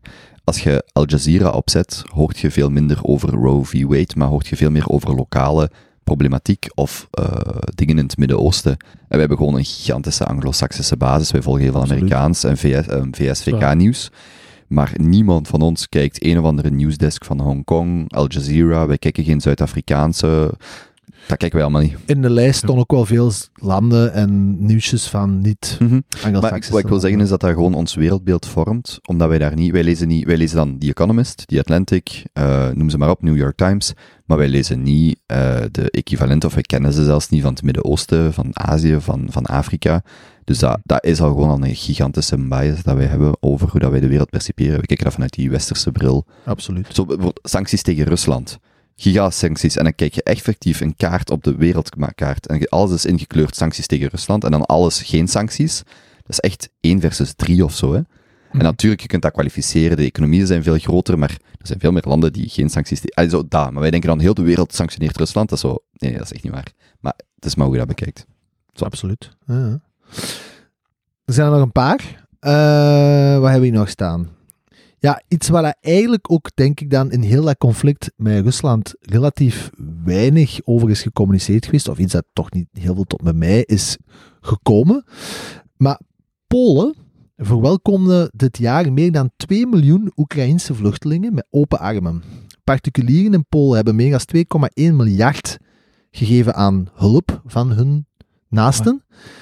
De overheid gaf 3,4 miljard uit en 1,2 miljoen Oekraïners kregen toegang tot gezondheidszorg, onderwijs en sociale uitkeringen. Ook de houding veranderde. 80% van de Polen ondersteunt nu het opnemen van vluchtelingen die op de vlucht zijn voor geweld en oorlog, tegen 49% in 2018. Maar dat is wel zot. Polen, Polen is echt de held. Dat is, ja, De- een Oekraïne dat zich ook. maar- Nee, ja, maar ik bedoel, ja, Ja. uiteraard. Maar ik bedoel, Polen is echt de Europese held. Dat is Mhm. ongelooflijk wat dat land, als je in de statistieken duikt, doet. Wij praten er veel over, maar de Poolse gemeenschap, dat is echt zot wat dat land doet voor Oekraïne in dit conflict. Heel, over heel de maatschappij verdeeld. Ja. Ja, inderdaad, heel cool. Want ik had daar een paar jaar terug echt altijd een heel nationalistische kijk op, Ik op ook. Polen. Dat die Absoluut. echt tegen alles waren. Mm. Dus dat is heel mooi om te zien. Ik vraag me af of dat ook cultureel, of dat die iets met elkaar gemeen... Ja, kort bij Rusland, een beetje die Oostblokkanten. Ja, Ja, die, die heel ik denk cool. net die zoiets hebben van, ja, allee, zij zitten bij NATO, dus dat is Ja, ja, ja, anders, maar natuurlijk. ja, bon, die, dat, is, dat is gelijk als als ze in Nederland zouden binnenvallen. En Nederland zit niet bij de NATO en wij wel. Mhm. Ja, dat, dat- Ja, ja. Direct die muur bouwen, toch? Klein, kleine eh, oorlogsgerelateerd feitje. Vanaf 5 februari gaat het Europees verbod in tegen diesel uit Rusland. 25% van de Europese dieselbevoorrading komt van Rusland. Dus wij doen allemaal mee met de sancties. 25%, een vierde van de toevoer wordt afgesloten. Maar ja, dat ging ook een enorm probleem zijn met het gas. En uiteindelijk zitten we, ik weet niet hoe goed qua reserves, Maar we hebben een milde winter. Maar ja, milde winter, ja. Ja. En het kost inderdaad veel, maar onze reserves hebben denk ik nog nooit zo hoog gestaan in deze maand als nu. Maar dat is dus vooral door de milde winter. Ja, en door Amerika, hè, die dat Ja, eh, absoluut, nu een absoluut. prachtige klant heeft aan Europa. En eh, Europees- een beetje Euro- gas. Amerika is echt perfect bezig. Laat die Duitsers maar tanks sturen, allemaal kapotgeschoten. En wie gaat die vervangen? De Verenigde Staten. Ja, natuurlijk. ja, die zijn dat spel zeer, zeer goed aan het Tuurlijk. spelen. Tuurlijk. Ik heb nog... het, het Duits, heel kort, het Duits leger, als ze M1 Abrams tanken ko- tanks kopen en heel wat ander Amerikaans materiaal, zelfs de servicecontracten, moeten door Amerikanen worden uitgevoerd. Dus het, stel je voor, het Belgisch leger koopt F4, echt F-35's, maar dat is sowieso al. Maar ook gewoon Amerikaans materiaal. Het moet ook door Amerikanen onderhouden, naar daar opgestuurd worden voor allerlei, allerlei dingen. Dus je kunt zelfs lokaal je eigen materiaal wat je hebt aange... Het is gewoon een leasecontract wat je voor de rest van je leven afsluit. Dus die Amerikanen zijn super slim aan het bekijken, hè. Waarom denk je dat zo zitten pushen dat die Duitse tanks maar gestuurd worden? Echt complete bullshit, hè? Maar gewoon, ja, ja, laat die maar kapotgeschoten worden. Dat wel zot. En dan laten ze ze gratis achter in Afghanistan. Dat is wel zot. Wel, ja, daar staat voor een paar miljard. You win some, you lose some. Mhm. Maar stelt ik weet dat oprecht niet, stelt het Europees leger allemaal samen echt veel voor? Ja, best, ja NATO, hè. NATO Hmm. staat wel Maar in vergelijking met de US. Wij leven wel voor een groot deel onder de beschermings, Ja, ah, beschermende deken van het Amerikaanse Mm. leger. Maar in theorie zouden ze allemaal, wat is het, 2%? Nee, 1,5% van het BBP moeten bijdragen aan NATO? Twee, ja. Twee? Maar Maar de VS staat veel verder zo qua intelligentie en dat Ja, soort ja. dingen. R&D en zo. Maar er is wel, ik, ik volg heel graag Fernand eh, Keuleneer, Keulenaar op Twitter, advocaat, heel interessante man vind ik. Mhm. Ehm, en die is ook heel sceptisch naar wat er vandaag gebeurt. En als je dan ziet dat de Europese Unie heeft twee weken geleden een investeringsprogramma van 600 miljoen aangekondigd. Infrastructuur, treininfrastructuur, vooral voor militaire doeleinden. Mhm.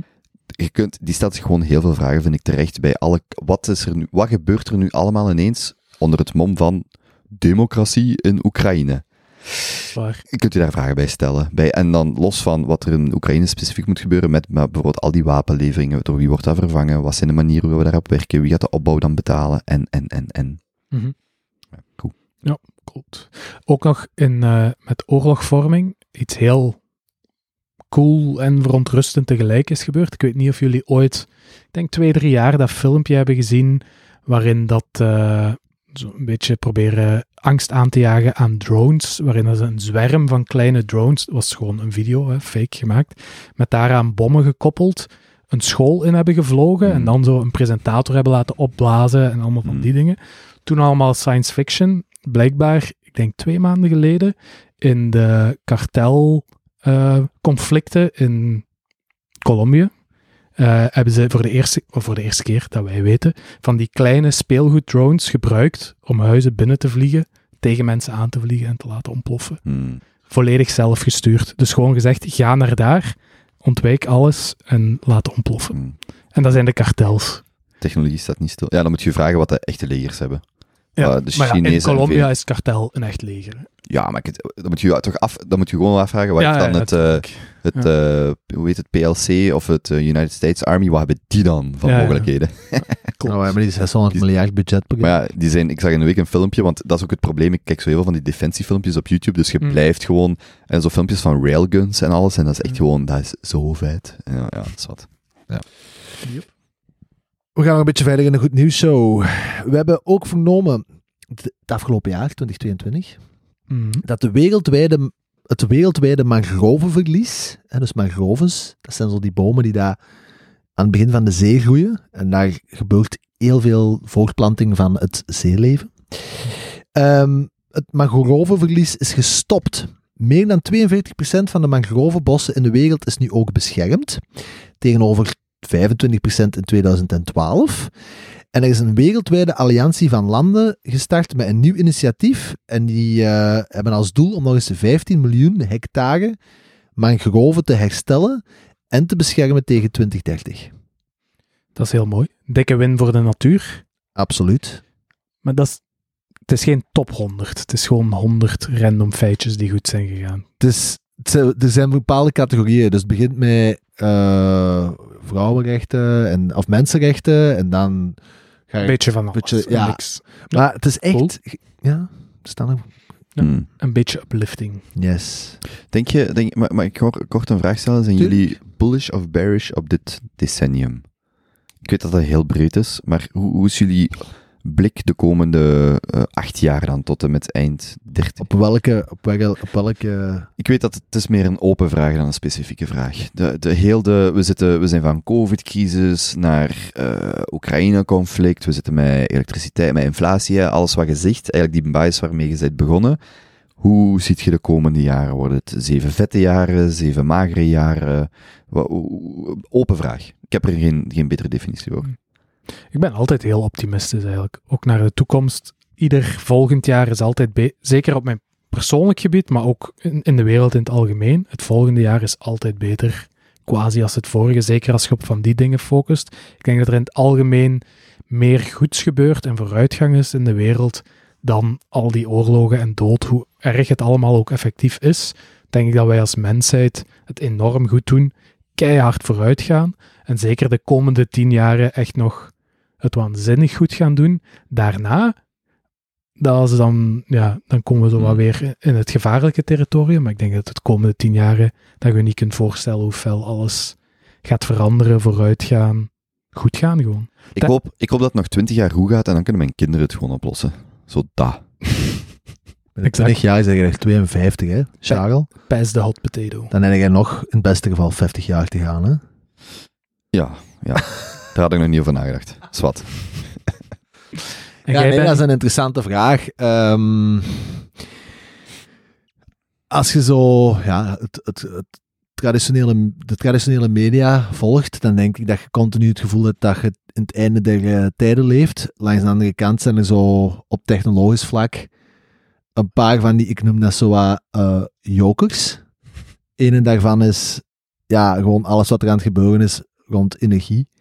En, en de hoeveelheden aan eh eh clean energie dat er online gaan komen, als ook nog dan zelfs in dat spectrum gewoon een paar ongekende, zoals stel nu dat in één keer fusion aanslaagt, of stel we Hmm. beginnen in één keer type 4 kernreactoren om mass te gaan produceren, zo. Ja. Hm. dat alleen al, als dat aanslaagt, dat is wat je, allee, dat is wat Friedberg ook altijd zegt, hè, de, de, de, de kwaliteit van ons leven is quasi rechtstreeks gecorreleerd aan de hoeveelheid energie dat wij kunnen produceren. Hm. Dus als je die zaken al even kunt in een versnelling hoger gaan Wat verwacht je schakelen. dat op acht jaar? De, de komende acht jaar dat wij... Ja, gewoon van die zaken. Hè. Er- Er, abundant zijn nu energy. de hoeveelheid, ik denk dat we dan een paar afleveringen ook hebben gesproken, de hoeveelheid zonne-energie dat er nu wordt geproduceerd, de hoeveelheid productiecapaciteit dat er nu is, dit jaar, qua zonnepanelenproductie, is evenveel als alles wat er tot nu toe ooit al is geplaatst. Hm. Dus die shit blijft gewoon exponentieel dalen in kost. Mhm. Ja, ja. Hm. Allee, dat en ja. Je kunt ook evenwel heel veel slechte argumenten maken. En het enige waar ik mij echt zorgen over begin te maken, is gewoon die cijfers die aan elkaar aan het kakken zijn. eh en masse. Maar is dat zo? Ja, oké. Dat is waarschijnlijk geen goed nieuws. Dat we met Ja. elkaar gaan zijn. Maar Dat dat weet je toch Het probleem daarvan is, denk ik, dat zo, dat kunnen niet, dat kunnen niet met technologie oplossen. Nog niet. Voilà, ik denk dat het net allemaal goed uitkomt. We gaan met minder zijn, die AI komt boven, gratis energie. Het komt Ja, de allemaal vraag is- wel... Kun je op een bepaald moment hè? is er gewoon iemand die een model voorstelt waarin je zegt dat robotica in de breedste zin van het woord ook demografie is. Als, en dat is een Ja, argument wat ik nog zie komen de komende jaren. Ja, oké. Ja, maar Want als je- zelfs exclusief dat. hè. Gewoon uw levenskwaliteit, het niet meer moeten werken, genoeg ja, maar dat wordt met robot, ja, technologie, robot, ik weet niet wat de exact juiste term is, maar ik heb al een paar keer gehoord dat bijvoorbeeld een land gelijk Japan, wat dan economisch er relatief sterk, eh, slecht voor staat, als je puur zo naar de, de, de staatsschuld en dergelijke kijkt en de demografische effecten, maar dat dan een land wat zo hoog technologisch ontwikkeld is, dat je op een bepaald moment ook kunt argumenteren dat het niet louter de demografie van vlees en bloed is, maar ook de demografie van eh, de, de, de, technologie en de, Hmm. en de vlees- en bloeddemografie. En ik, ik heb er nog niet exact een... Ja, De vlees en bloed. ja, ja je maar moet gewoon differentiëren tussen de fysieke entiteit, de mens, en dan de... de- AI. ja, want als je dat meet in klassieke dingen als economische groei, ja, hoe langer hoe meer is dat niet louter ah, uit te tellen in, er zijn, ik weet niet, eh, 80 miljoen Japanners. Dat is ook gewoon welke technologie hebben die en welke hefboom kunnen die gebruiken. Kunnen die 80 miljoen gebruiken om zwaar boven hun gewicht ehm, economische output te... En dat is zo'n stukje waar ik naartoe wil, Mhm. want die technologische trend, of die hoogtechnologische trend, is een gigantische hefboom. En op een bepaald moment denk ik dat wij niet meer over demografie en miljarden mensen louter praten, maar ook in wat is uw, uw coëfficiënt misschien tussen demografie en technologie en wat is daar uw output in? En dat u dus eigenlijk uw output Hmm. lang kan blijven stijgen, ook al daalt uw demografie. Ja. Maar dat is, dat is ook iets niet voor de komende tien jaar of zo. Hè? En ik denk ook dat die, zo die genuanceerde overgang, dat veel mensen dan nog altijd onderschatten. Dat eens dat die kritieke massa er is, of die, dat kantelpunt er komt, waarin dat, zoals jij zegt, er is een, een robot die 80% zo goed is Mhm. als een mens, dat gaat niet zijn dat daar dan nog eens tien jaar over gaat gaan. Dat is gewoon, Mhm. volgend jaar heeft iedereen een personal companion. Dat gaat, ja, Ja. een jaar is nu heel Maar kort. kijk maar naar smartphones, hè. dat is ook op, voilà. op een paar jaar. Kijk naar ChatGPT. Ja, ook al. Hmm. En dat wou ik ook- Zes dagen tot een miljoen gebruikers. Ja, maar stel nu dat je zegt tot 5 miljard gebruikers, gelijk smartphones. Eigenlijk een goede 10 jaar. hè. Mhm. Allee, 10, 15 jaar smartphones. Dat is zot, hè? Dat is echt zot als je dat bekijkt. 5 miljard mensen of zo hebben een smartphone. Mhm. Dat is, 15, voor- dat dat, is bestaat voor geen mij, 15 jaar. dat is voor mij nog zo'n joker. Zo die laatste 3 miljard mensen die daar dit decennia via technologie zoals eh, Starlink online Mhm. gaan komen. Dat is voor mij een van de grootste jokers op korte termijn. Waar, waar is de ratio tussen de, de once in a generation eh, briljant, briljante individuen, gelijk een Einstein of een, een Newton of, of een, een Jobs of een Musk? Hè? De IJzerman. Eh, maar ja, waar is, de, is dat 1 op een miljard? Is dat 1 op, op 100 miljoen? Hmm. Ja. En, en waar 3 zitten miljard ze? erbij, hè? Ja, Ja, ja. daar komen we terug bij. Wat ik interessant vond aan die vraag is die acht jaar. Hè? Want het is zoals jij zegt, als je dag tot dag op Twitter zit, of je denkt nu terug aan de COVID-jaren, of wat dan ook, dan is het inderdaad makkelijker om te zeggen, amai, het was misschien toch beter ervoor. Maar ik denk Ah, dat als je nee. decennia neemt, er is geen enkel decennia waarvan dat jij zou zeggen, als ik nu tien jaar eerder leefde, ah, wel, dat zou ik gewild hebben. Hmm. Of ik, ik zou toch niet direct op één komen.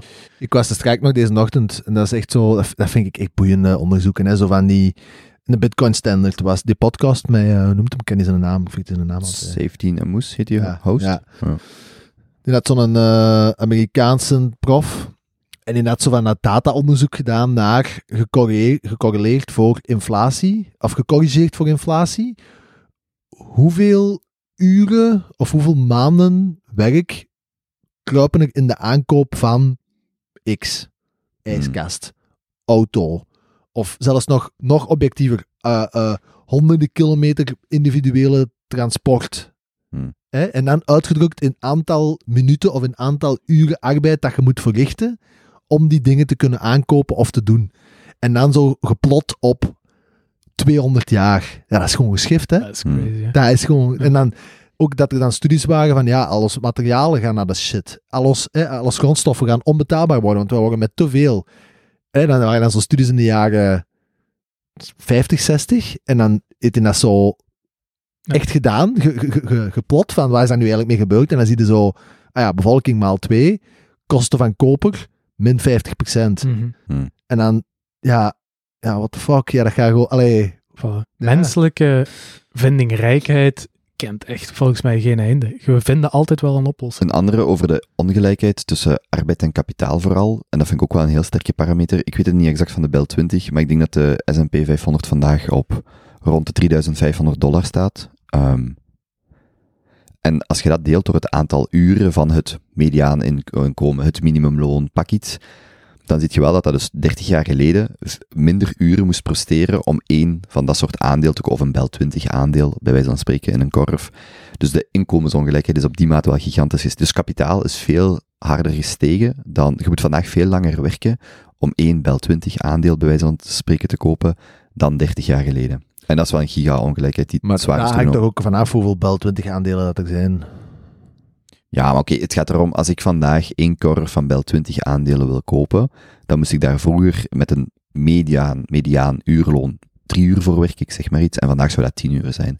Dus de verhouding tussen arbeid en kapitaal is Ja. echt wel giga, eh, dat is echt wel gigantisch ook achteruit gegaan.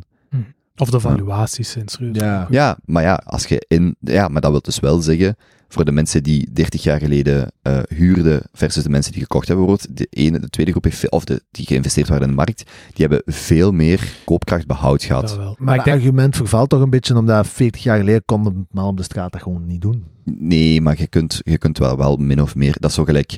Vroeger waren ze gezonder. We weten niet of mensen gezonder waren, want ze hadden geen smart devices. Dat is waar. Ze konden dat niet zo tracken, maar je hebt wel een indicatieve dingen en dat zie je daar ook. En zelfs als je dat met 20 of 30 jaar vergele- geleden vergelijkt. En ik denk dat dat waar is, zolang je spreekt over de generatie van onze ouders. En vanaf dat je dan verder gaat, Hmm. stopt die vergelijking weer in. Ja. Dan werkte je van s morgens tot s avonds. Het leven was kut. Je at patatten en je leefde op een boerderij. Ja, Allee. ja. Inderdaad, onze Hm. ouders, dat gaat waarschijnlijk mogelijk echt de gouden generatie zijn geweest. Tussen alle oorlogen in. Ik weet niet hoeveel groei meegemaakt. Technologische boom. Ik had daar nog over te denken, de periode dat wij 18 waren, allee, Benny was toen al 22, maar eh, toen wij 18 waren, What the fuck?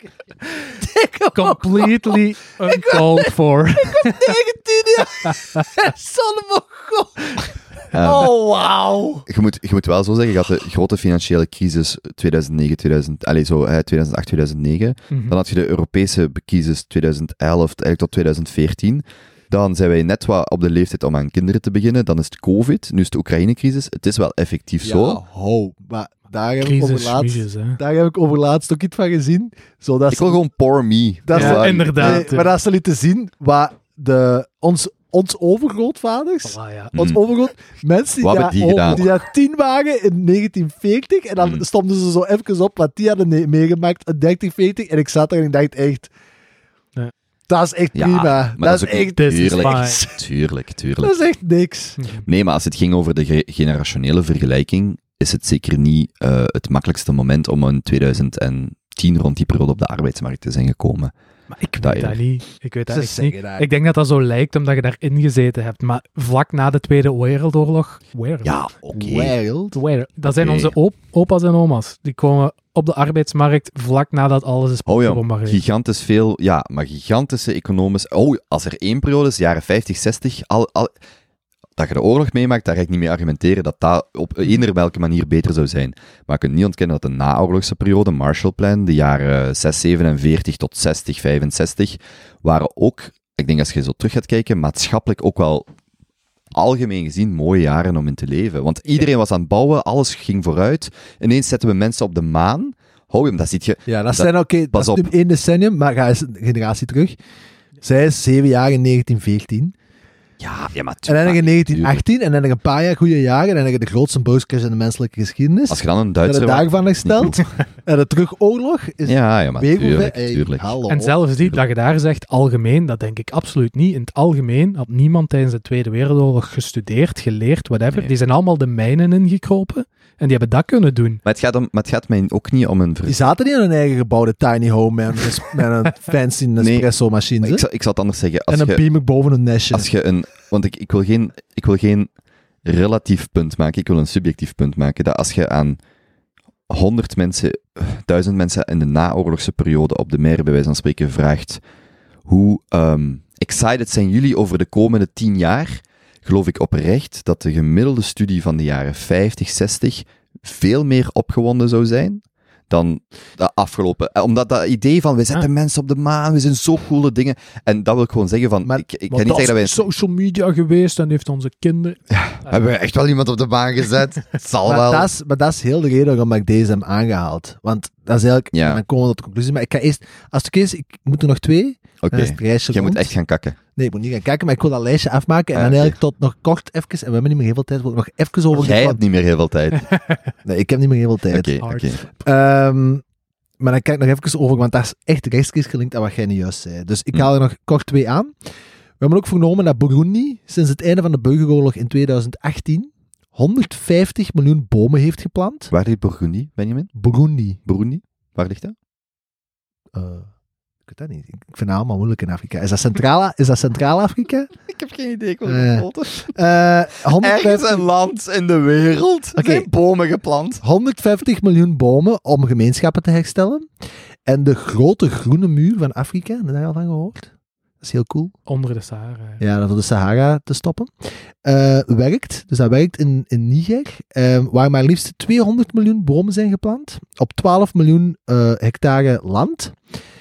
En Indonesië heeft aanzienlijke vooruitgang geboekt bij het herstel van zijn tropische veengebieden. Kort duurzaamheid, nog een extra duurzaamheidje. En het Amazonewoud? Lekker. Ah ja, dat was een apart punt, maar dat heb ik er nu niet bij gezet. Maar ja, die dingen, die people daar, die Bolsonaro, die is, die is afgetrapt, die ligt ondertussen ook in het ziekenhuis. Eh, hopelijk legt hem zijn kees, gelijk als ze zeggen in de Kempen. En het, ah, ja, zeg jij. Wist je dat die ook het parlement hebben bestormd? Ja. Daar in, Fun times. Ik heb, met, ik heb heel per ongeluk twee maanden geleden in een call gezeten met oude eh, eh, vrienden, zal ik zeggen, uit Brazilië, die dus echt begonnen te renten dat het een gestolen, eh, dus gewoon Ah, echt ja, ja. Ook wel een, een beetje dezelfde dynamiek die je overal ziet. Je hebt gewoon ergens de soort van verstedelijkte, eerder linkse elite, of dat, dat beeld, hè. mhm. En dan heb je zo de achtergestelde binnenlandse agrarissen. En ik zat gewoon in een binnenlands agrarisch. Mm. Niet per se achtergesteld, want dat is in Sao Paulo, dus dat viel nog heel goed mee. Maar je voelt gewoon exact dezelfde dynamiek die je ook in Nederland ziet, waar de boerenpartij echt gigantisch in de pols goed aan het doen is, de Mhm. BBB. Gewoon echt diezelfde dynamiek van, er is een groep die het relatief goed de vruchten plukt van de globalisme, zal ik maar zo zeggen, en dan die het niet echt plukken. En ja, dan zit je zo in zo'n call en zo, ik heb er echt geen zin in om dit te horen. Oh. kan ik maar ja. geloven. En als afsluiter, Mm. om af te sluiten, ik heb de best voor last.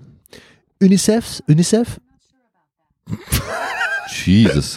Oh, fuck. Alexa. Alexa, shut up. Oké, dus ehm, om af te sluiten, UNICEF bracht eh, welkom nieuws over de wereldwijde kindersterfte. De pandemie heeft niet geleid tot de bevreesde ommekeer. Dus ze dachten dat door de pandemie en de extra middelen dat er daar aan de bestrijding daarvan... Ah, shit. Weer te vroeg. Te vroeg. Weer te vroeg gekomen. vroeg. Eh, dat de kindersterftedaling eh, niet ging verder zetten, maar dat is dus wel gebeurd. Hm. Dus kindersterfte is tot, tot momenteel op het laagste niveau ooit, met 37 sterfgevallen per duizend levend geborenen. En in Nigeria, Egypte, Zuid-Afrika, Zimbabwe, Bangladesh en India hebben de afgelopen jaren allemaal aanzienlijke dalingen gemeld.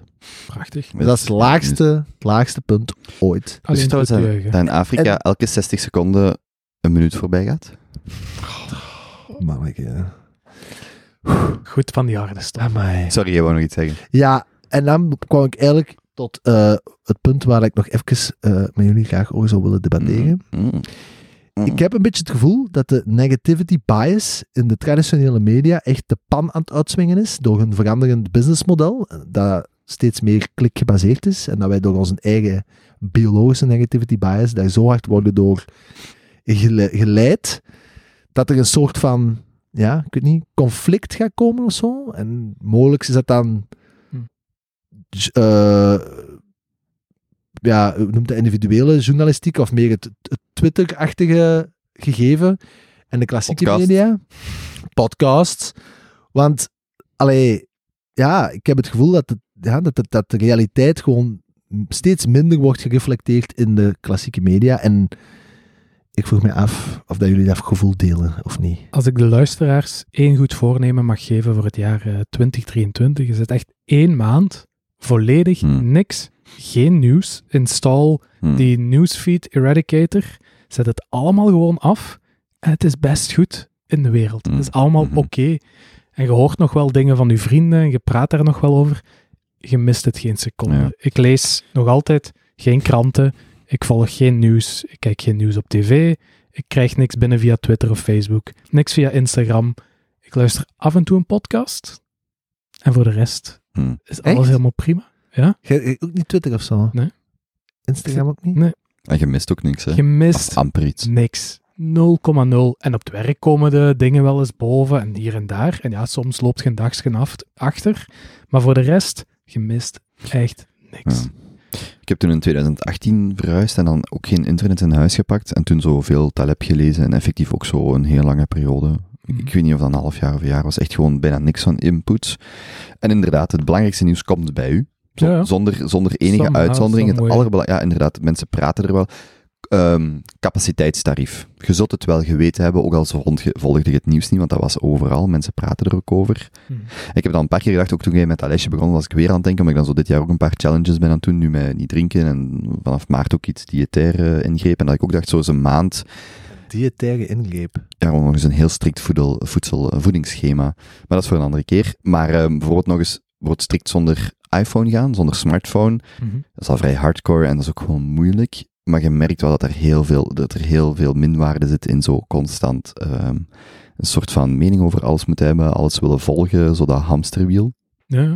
En ik denk Ja. dat het zeker klopt wat jij zegt, is dat ze die kliks achterna gaan. Er is geen incentive om gewoon rustig journalistiek te doen. Er is enkel incentive voor polariserende artikels. Mhm. Er zit gewoon niet meer veel echte waarde in nieuws brengen, behalve heel individuele journalisten, heel individuele podcastmakers en al de rest.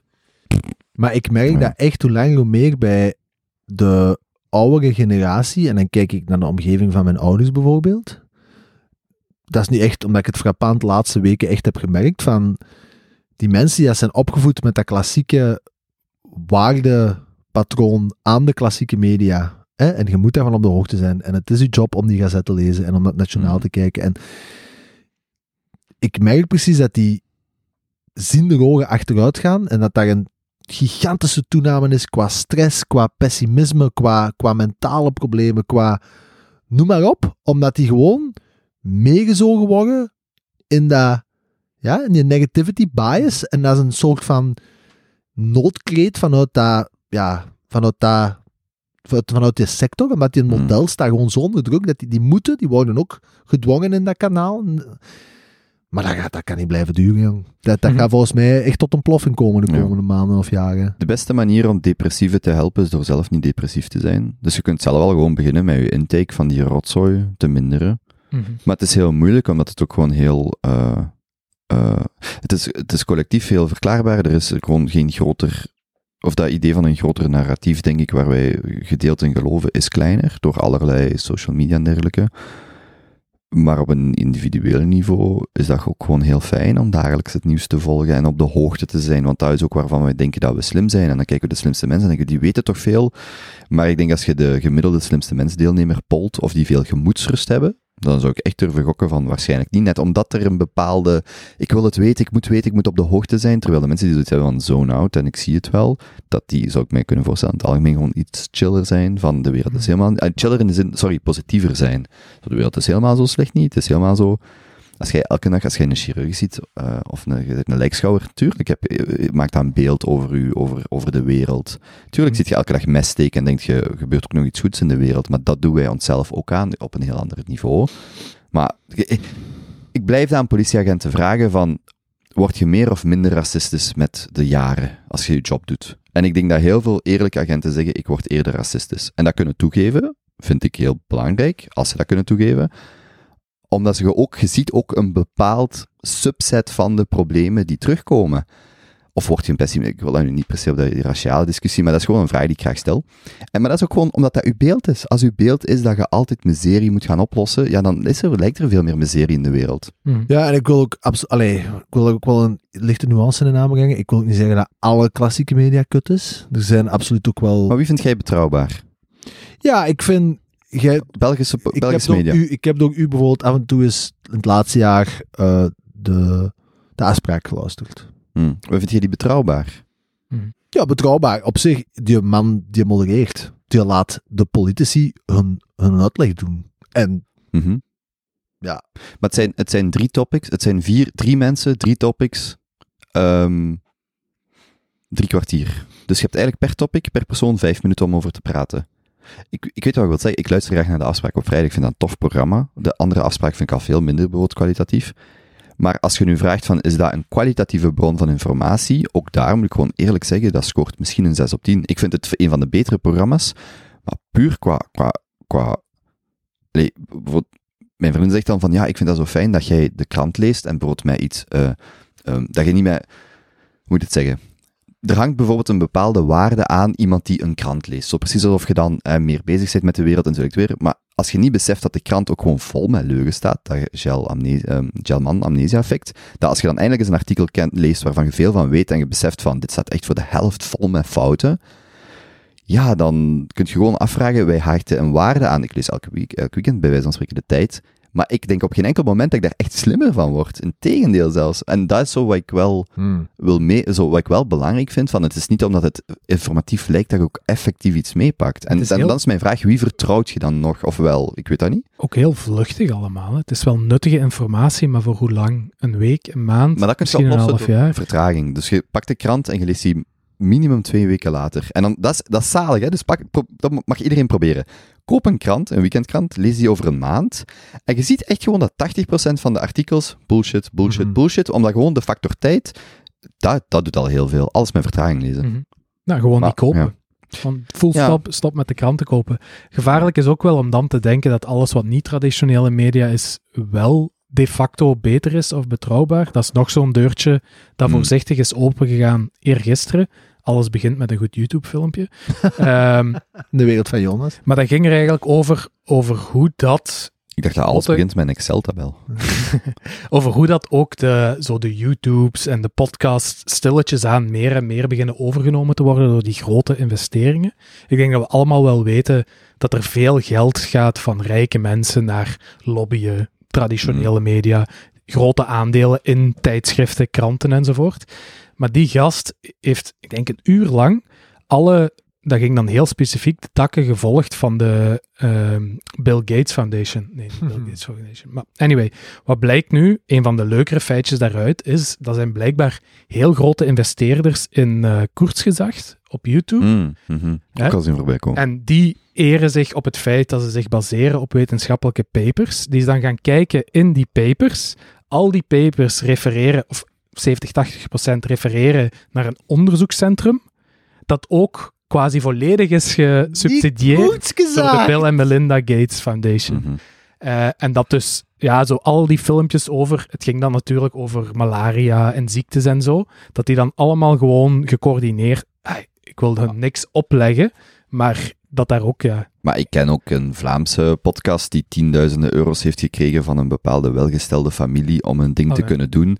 Ik denk niet dat die per se een rechtstreekse band daardoor hebben, maar je, er is ook gewoon op dat vlak, is er gewoon een, een Mhm. af... er is- je kunt niet ontkennen dat er een band is nu. Het is niet omdat je een donatie krijgt dat je het moet uitvoeren wat iemand vindt. Maar als je denkt dat de onafhankelijke media, of de niet-traditionele zal ik zeggen, geen financiële incentives hebben, ja, dat is ook niet waar. Hè? Er zijn, er zijn nee. financiële incentives. Maar het is toch nog net iets anders om dan al uw wetenschappelijke referenties te hebben komen van een wetenschappelijk centrum gefundeerd door dezelfde Hmm. Tuurlijk. die dat uw filmpjes maakt. En zo waren er nog een paar dingen waarvan ik dacht, ama- je beseft dat inderdaad Hmm. ergens wel, maar tot je het zo zwart op wit ziet staan, Mhm. is het toch eh, ja, frappant wel om te zien. Maar goed dat we een sponsor hebben wel hier. Absoluut. Ja, wij, blijf- blijven onafhankelijk. We zijn compleet Ja. onbeïnvloedbaar. Tot als je een van onze advertentieslots koopt. Ja, ja, want ik moet wel zeggen, voor geld danst de. Allee. Allee, Echt, like, kijk afkijken of goed gezegd. Maar als je nu Ja. een advertentieslotje Ja. koopt. dat je arm Kleine geboren donatie. wordt, dat je arm Ja. geboren wordt, kun je niet aan doen. Dat je Een paar eurotjes bij Kiva, kom Tuurlijk. maar op. Ja, Kiva is niet voor ons. Hè. Kiva is... eh, Ho, ho, ik ben nu ook eh, een van de recipients op Kiva. Ik heb mij daarover in. Hebben jullie daar al afleveringen lang over, over schrijven? Eh, Wow. Ik ben een arme... Ja, zwart, ik ga hier de cultuurdonaties aan de Boys. heren van Reppelen. Een hele stop is gepasseerd. Oh, zijn we er al? Oh. Amai, Maar ja, we hebben al een uur 23 We opgenomen. zijn gearriveerd. klinkt echt Dus goed dat lijstje. Dat, is, eh, dat is nu... kan ze ook anders zijn. Nee, nee, nee, nee, nee. nee. kind heeft nu speelgoed. Eh, dat is nu al de tweede keer dat jij zo'n lijstje doet, hè? Niet? Je hebt daar Ik zeg het jongens, voorbereiden. dat is voorbereiden. Ja, maar ook expliciet zo tien dingen en dan iets, iets gaat er zo wel Maar je tegen doet de dat wel goed. hangen. Je doet Ja, dat wel ik vind goed. ook Ja, heel goed. ik denk dat we dat nog allemaal nog wat beter kunnen doen als we dat nog... Ja, we zullen allemaal top 10 lijstjes Maar ik vind dat vooral goed als jij dat doet. Toch? Hij doet dat toch goed? Hij doet dat goed, ja. Ik, vond, ik vind het een Onze, goed side, idee. onze sidekick. Ah. Druk nou eens op een Yes, knop. sir. Hè? Sidekick.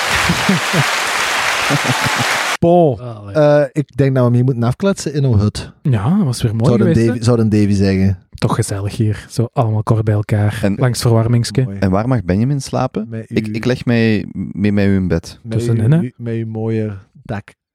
Ja, ja. connectie. Zet hem in de details, hè. Voor wat was dat weer? Die dingen aan het plafond? Eh, aanknopingspunt, hè. Om dingen aan, Aanknopingspunt eh, voor? Om dingen aan op te hangen. Ja, dat je kunt eh, schommelen.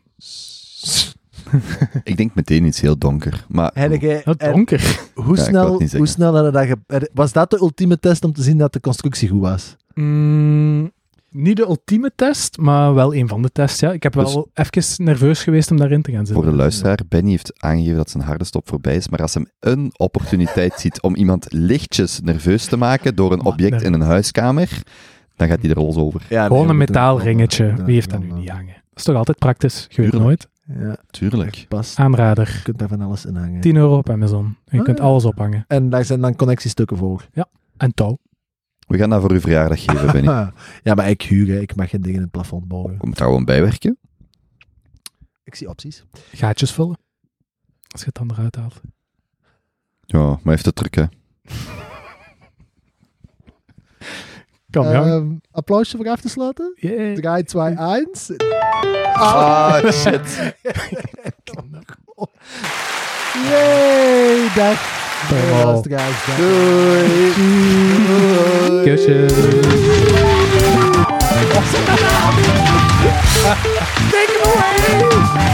Kom, ja. Ik moet moet een beat geven. Give me one.